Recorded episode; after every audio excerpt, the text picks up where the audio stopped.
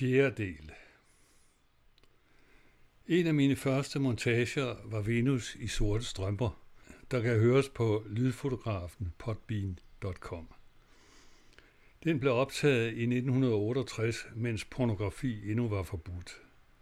Jeg måtte lave mine optagelser i skumle Vesterbro biografer med særdeles tavse undernister og midalderne ægtepar, der søgte spænding. Jeg besøgte blandt andet et liveshow, der blev afholdt i noget, der hed Keyhole Club. Det sluttede med en lesbisk seance, hvor en af pigerne fik lydelig orgasme, hvilket fik klubbens ejere til at betegne hende som et naturtalent. Måske skulle han snarere have kaldt det et naturligt talent. I Venus i sorte strømper er montagens motor, altså det, der driver fortællingen frem, en pornofilmproducent, og under fremvisningen beskriver det, der sker på den pornofilm, han har optaget med sin kone i hovedrollen. Filmfremviseren rasler og klapper, mens han fortæller. Det er jo sådan, at han lever sig fuldstændig i det, og, og hun også. Og jeg må tilstå, at det er dels meget svært, fordi det er første gang, han står model rejser hun sig op, hun kan jo ikke stå for det længere, så rejser hun sig op og inviterer ham ind i soveværelse. Der fortsætter de deres afklædningsnummer. Nu knapper hun skjorten op på ham. Og bukserne ser faktisk halvt nede på haserne. De ser meget forelskede ud. Og det er faktisk så livagtigt, som noget kan være. De spiller nemlig mægtig godt begge to. Så optog du så filmen? Jeg optog filmen, ja. Det tager alligevel op mellem 3 og 4 timer for at optage en film på 60 meter, hvis det skal være kvalitet. Den står fint i farverne, og det er jo faktisk noget af det vigtigste, og man skal hele tiden sørge for, at det er nok belyst, og ikke for mange skygger. nu har han efterhånden fået klædt hende så meget af, så hun kun ligger i, i trusser og strømper. Han selv sidder kun i underbukser og undertrøje. Nu tager han trusserne af pigen. Og så tager han strømperne af hende. Og jeg synes, det var faktisk rigtig lidenskabeligt at se på. Og der er der heller ingen tvivl om, at han er virkelig i erotisk stemning. Hvordan så med din kone? Øh, ja, øh, på det tidspunkt der, hvor de er kommet så langt, der er hun ikke erotisk opstemt, men øh, på sidstning af filmen, der kunne det ikke undgå andet at påvirke hende, og jeg synes at det er helt naturligt. Jeg vil sige, det er der ingen kvinde, hvis hun ikke bliver påvirket. Der, han her rejsning faktisk lige så snart, at de begyndte at kære hinanden i stuen. Og det er meget, meget sjældent, at nogen kan det under skarpe med, vi kører med 3000 watt nu kysser de hinanden, og samtidig så ser hun over skrevs på ham. Og får den bagfra, som man siger, eller ja, det er det. Sådan, så hun faktisk selv bestemmer, hvor meget og lidt hun vil have af gutten. Det gik virkelig fint. Og det gør jo, at man er interesseret i at bruge sådan en, en mandlig model igen. For man har ikke så mange kvaler jo, jo vanskeligere manden har ved at få rejsning, jo længere var sådan en optagelse. Ja, som til at man der nødt til at afslutte en optagelse, og så fortsætte en dag eller to efter, til manden er bedre oplagt. Fordi folk vil jo ikke se noget med en sådan slatten og går. De vil have noget, der er rejsning på. Vi går i teatret, vi går i biografen, vi går til koncert, vi går og putter en pornofilm en gang imellem ganske naturlig og som en ledig, sådan, som er andet en, en, en rig og varieret livsudførelse. Vi har et blomstrende seksualliv, ikke hver skal en 4-5 gange om ugen eller sådan. Det er altså noget, man, man skal komme frem til. Det er en, en form for udvikling. Jeg har nok været fastbundet i øhm, traditioner eller enkle, enk, øh, fastlåsede former mere end nogen anden, men jeg kan dog se, at og nu, jeg, jeg synes, jeg mener, det, det er rigtigt. Vi har været gift i mange år, så det er jo mange år siden, at det tog tid. Ja. vi har for længst fundet ud af det. Jeg ved, om der alligevel ikke er mange flere mennesker, der måske lever et frigjort liv, uden at nogen får det at vide netop, fordi man ikke øh, sådan diskuterer det, sådan, med mindre man føler, man er i, i fællesskab med nogen, der ser lige sådan på det som en selv. Det, som der måske kunne undre dem, det var jo nok det, at to mennesker, der virkelig føler, at de hører sammen, og nu vi er sådan lidt tilbage for de store ord, man har det virkelig godt sammen, og aldrig drømmer om, at det skal være anderledes, eller en sige gå fra hinanden igen, eller sådan noget. At de har så frit, et så frit, en så fri måde over for hinanden, og over for tilværelsen på, at de både kan have det dejligt med hinanden i erotisk henseende, og lejlighedsvis også med andre. Hver for sig, men dog oftest sammen. Vi er jo i en alder, hvor det begynder at haste lidt, hvis man endnu synes, der står lidt på spidsæden, som er noget nyt, og hvis man gerne vil have, for at bruge en gammel frase, at intet menneskeligt skal være en fremmed. Ikke? Ja. Jeg er netop for nylig læst Kronhausens øh, kvindelige seksualitet, og der er netop flere forsøg der, og der ser man jo, at mennesker lever jo på en ganske anden måde. Og end man tror. Ja, end man tror, ja. Hvor kvinder går uden for ægteskabet, og, og medmandens vidne og fortæller om det, og, og omvendt, uden at de derfor holder den mindste smule mindre af hinanden. Det er måske en indgangsforestilling for, for et løbende forhold, kan naturligvis aldrig gå. Det vil jo genere den anden part kolossalt. Det, det kan ingen af os bryde os om, eller vil tolerere et sideløbende var et forhold til en tredje person. Det vi sigter efter, det er et dårligt udtryk, for vi sigter slet ikke efter. Vi er bare afslappet over for tilværelsen, og vil gerne opleve livet rigtig mangfoldigt, altså i denne retning. Og vi tager det sådan, som det kommer.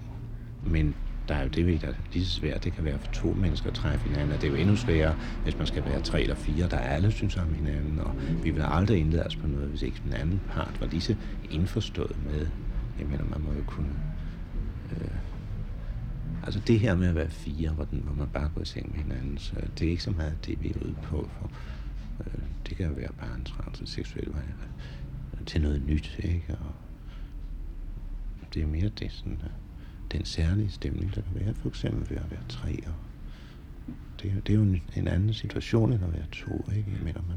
Det er en mere variabel, mere, mere artisten og mere, mere og mere, og mere variabel situation, ikke? Mm. Hvis man så er lidt befilt en sted, så er man jo ikke bange heller for sit eget køn, eller at berøre ens eget køn, eller i det hele taget.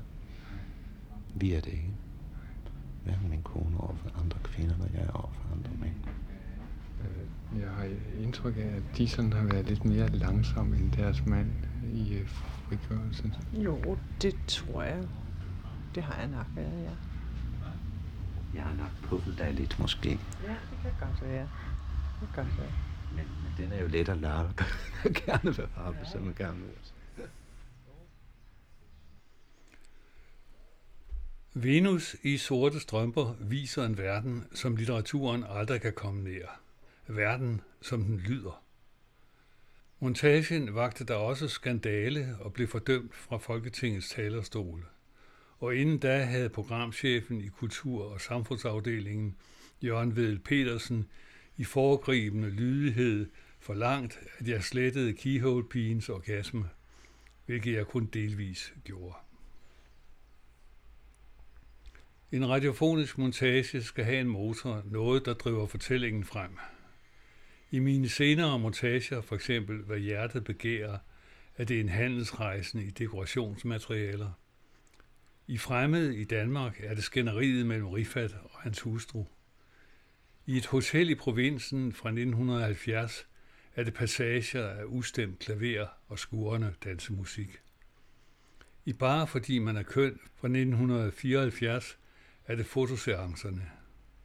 I den selvbiografiske historien om en henrettelse er det min fortællerstemme, ligesom det er min stemme i rejsen til iskanten, der driver historien fremad, osv. osv. Ingen af disse fortællestrukturer er endegyldige. Formerne glider over i hinanden, befrugter eller frastøder hinanden. Lydmateriale har ikke noget at gøre med gængs journalistik. men er alene båret af interesse for alt menneskelig gøren og laden.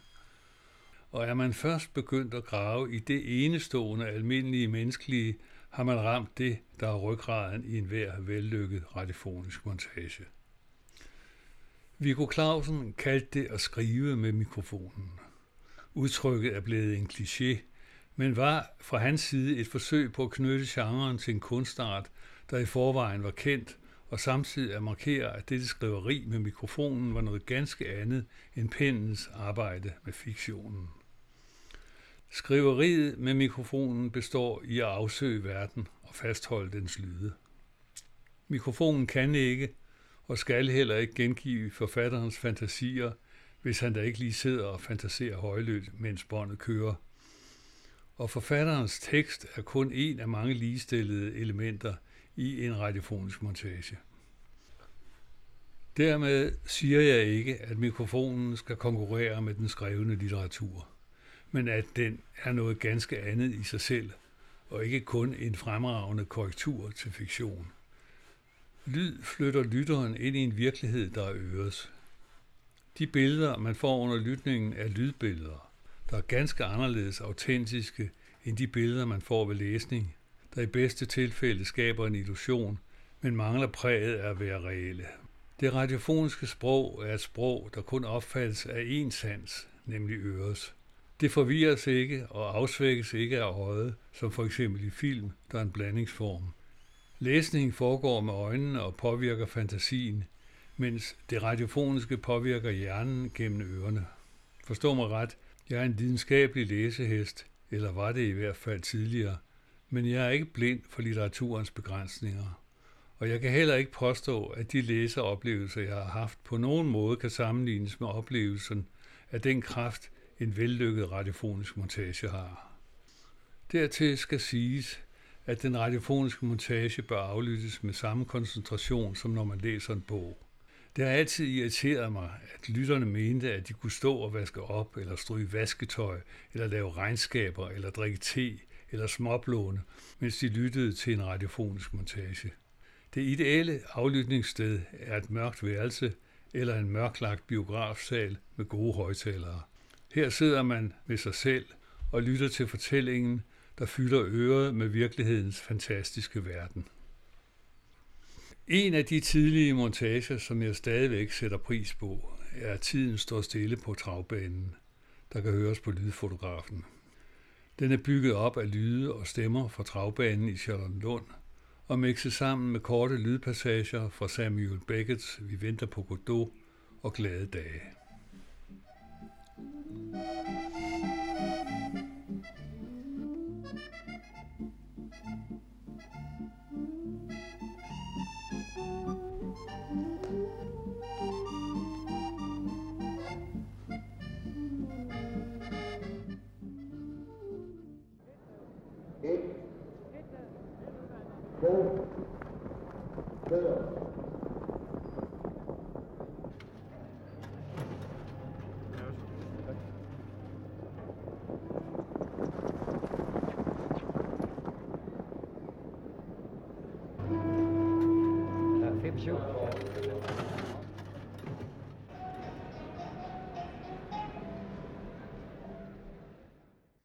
Spillehallen efter at løbene er afviklet. Der står tre mænd. En yngre med sminket, ungdomlig udseende dame.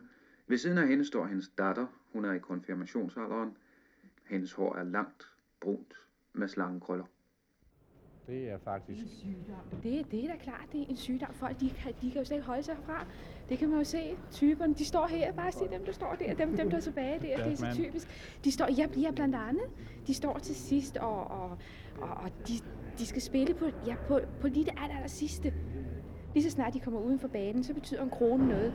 Når de her, 100 kroner betyder intet for min mand. Uden for banen betyder det bare en krone noget.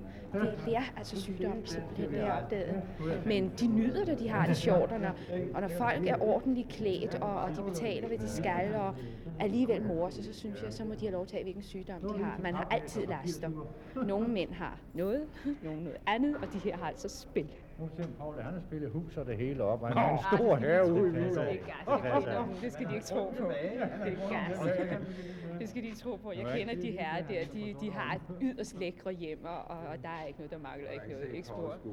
Jeg skal ikke tro på det.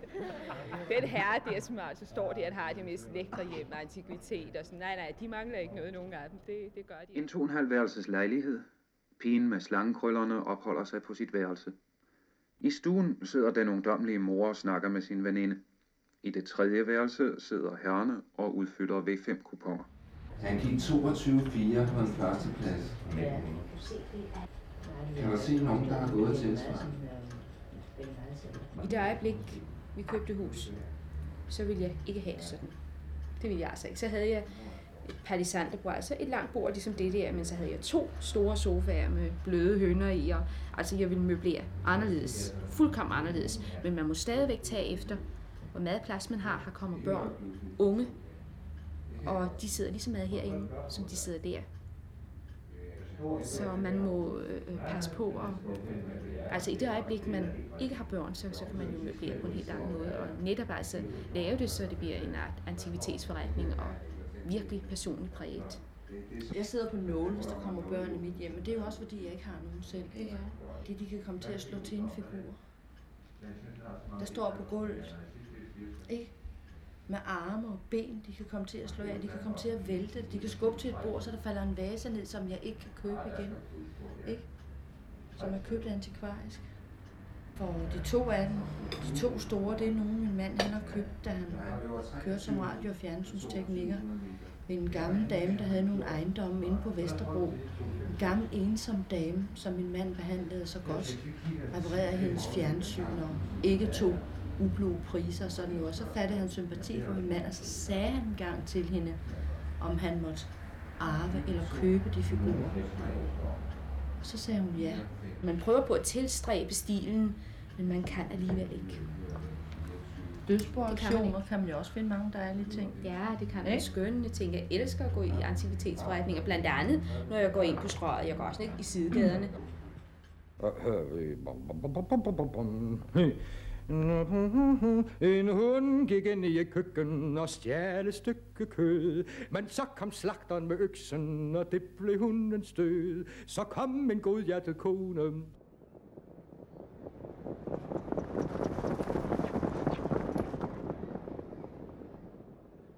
Der findes mennesker herude, som ikke har tænder i munden, som kommer frygtelig klædt, og der står man ofte og tænker, når de står med deres 100, 200, 300, 400 kroner, jeg begriber ikke, de gør det. Konen står i baggrunden med et par børn og holder ig- igen på ham. Så kan man sige, det er åndssvagt. Kan jeg mindst 500 mere? Ja, det skal man. Så Det er det mindste. Ellers, så- ellers så kan man ikke. Så skal man altså gøre, betragte det som en lille skovtur, og så tage det for, hvad det er. Og hvis man kun har 200, Ja. de, de, de forsvinder, De så forsvinder, de. du Det er lykken, hvis man regner ind noget først, ikke? Ja, det er det. Det er det. det er Hvis man har masser. 500, så har man noget at arbejde med, så, Ja. så, så kan man øh, klare Klare sig hjem. Det kan man. For eksempel min mand, der har en rigtig god stilling, han kan tillade sig at spille lidt mere end arbejderen kan. Det er på den måde, jeg mener. Og sådan er jo livet altså, ikke? Men så er det det, min mand går ud og sælger, og så står han og svindler og fupper alle de her dumme idioter, der står udenfor, for at sige det rent ud. Jamen altså, det har jeg lagt mærke til, ikke? De kloge, de narrer, de mindre kloge. Sådan er det herude, simpelthen. Og, og desværre kan man sige, men altså, det er igen det, det går ud over den, den lille arbejder. Igen går det ud over ham. Sådan er livet. Montagen er fra 1970, da jeg var begyndt at arbejde i teater- og litteraturafdelingen. Og Viggo var begejstret især for det autentiske lydmateriale. Begge citaterne var han mindre glad for. De var efter hans opfattelse overflødige. Lydmaterialet i sig selv fortalte den samme historie om afmagt og illusion, der driver begges personer. En indvending, jeg ikke ganske kunne afvise, mens jeg derimod fremhævede, at det netop var begge citaterne, der katalyserede stemningen i montagen, og at den stemning ikke ville have været så tydelig uden. Mine argumenter påvirkede ikke Viggo. Han var lydpoetaner og fastholdt, at man ikke kunne og burde blande fiktion og original lyd. De to ting var uforenelige som olie og eddike, hvortil jeg selvfølgelig indvendte, at olie og eddike gav en fin dressing. Desuden var begge citaterne lydcitater fra en tv-teaterforestilling, og jeg mente, at de netop derfor gjorde fint fyldest sammen med originallyden, og at spørgsmålet om blandingen af de to ting ikke burde ses som et dogme, men som et spørgsmål om kunstnerisk nødvendighed. Viggo gav sig ikke, og jeg gav mig heller ikke. Det eneste, jeg kunne medgive, var, at begge citaterne var for lange og burde forkortes, hvilket jeg senere har gjort. Der findes ingen formuleret grundviden om den radiofoniske montage. Den er ikke nævnt af Aristoteles. Ingen andre autoriteter har beskrevet dens regler og faldgrupper. Den nævnes slet ikke blandt de klassiske kunstarter, hvilket er ganske naturligt, da radioen ikke var opfundet dengang, og den er dermed ikke eksisterende som kunstform. Og men de nye medier for længst burde have rådet bod på den mangel. Den viden, der findes om montagen, har hidtil kun befundet sig inde i hovedet på nogle få mennesker, og det er på tide at få den formuleret. Det grundlæggende ved den radiofoniske montage er, som i alt kunstnerisk arbejde, at produceren er hudløs ærlig og desperat modig. Hvis man lyver og gemmer sig for sig selv, er montagen ikke stedet at arbejde. Den bryder sig heller ikke om småborgerlighed, hyggeleri og bigotteri. Den har det dårligt med budskaber, hvad enten de sociale, politiske eller religiøse. Den bryder sig ikke om moraliseren eller politisering. Eller at dømme sine medvirkende, hvad enten de er neonazister eller Guds små engle. Den har heller ikke brug for verdensfrelsere og demagoger. Montagen nærmer sig livets kilde med amoralske ører, eller hvad man nu skal kalde den tilstand, der er en nødvendig forudsætning for at kunne lave høreværdige montager. Man begynder en medias res, følger Aristoteles regler og ender forhåbentlig på et højere eller mere dramatisk sted end der, hvor man startede. Det er stort set umuligt at skabe en god montage af ringe båndmateriale, såsom statements eller politiske moralske udtalelser. Det er prøvet, men bliver som regel monotont. Man bør heller ikke bruge lyd og musik til pynt eller illustration. Lyd skal tale med fuldgod stemme, og gode lydoptagelser skal kysses levende af saksen og elskes af mixepulten.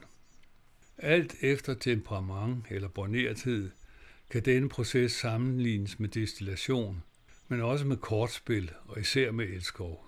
Man befinder sig grundlæggende i en elskovskamp med stoffet. Og hvis man foriler sig og kommer for tidligt, hvad de fleste båndamatører gør, bliver resultatet derefter.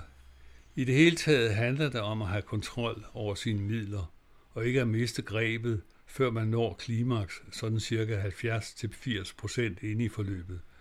Derefter kan man tage sig tid til at ånde ud, som også den gamle Aristoteles anbefalede. I det hele taget skal man forholde sig amoralsk, i mangel af bedre ord, til sit båndmateriale, hvilket kort sagt betyder, at det ikke er producerens personlige opfattelse af virkeligheden, der har første prioritet, men alene den virkelighed, som ligger i lyden. Hvis man ikke formår at træde tilbage fra sit eget ego og lytte, har man ikke noget at gøre i genren. Til en af de vidunderlige ting ved lyd er, at den taler en ret imod og ikke lægger skjul på det. Spørger man så, hvad så? Hvordan skal jeg finde vej mellem alle disse ting, der er nødvendige for at kunne lave en montage? Jeg aner det ikke. Jeg kan kun henholde mig til min måde og forsøge at lægge den frem i lydfattige ord, og det nærmeste jeg kommer er det stol på øret. Man skal bruge sine øjne og sin forstand, men man skal lade øret bestemme. For det er øret, der opfatter lyden og lydens følelsesmæssige aroma, ikke øjnene eller forstanden. Og lydens aroma er afgørende for, hvor de forskellige dele finder deres plads i forløbet. Nærmere kan jeg ikke komme det. Lad øret gå efter lydens aroma, og hvis man, som i mit tilfælde, selv har optaget lydpassagerne og ved, hvordan personerne ser ud, hvordan de bor, hvordan de er klædt, etc., så bør man lade optagelserne ligge, indtil en mild glemsel har sat ind. Først derefter finder øret selv vejen.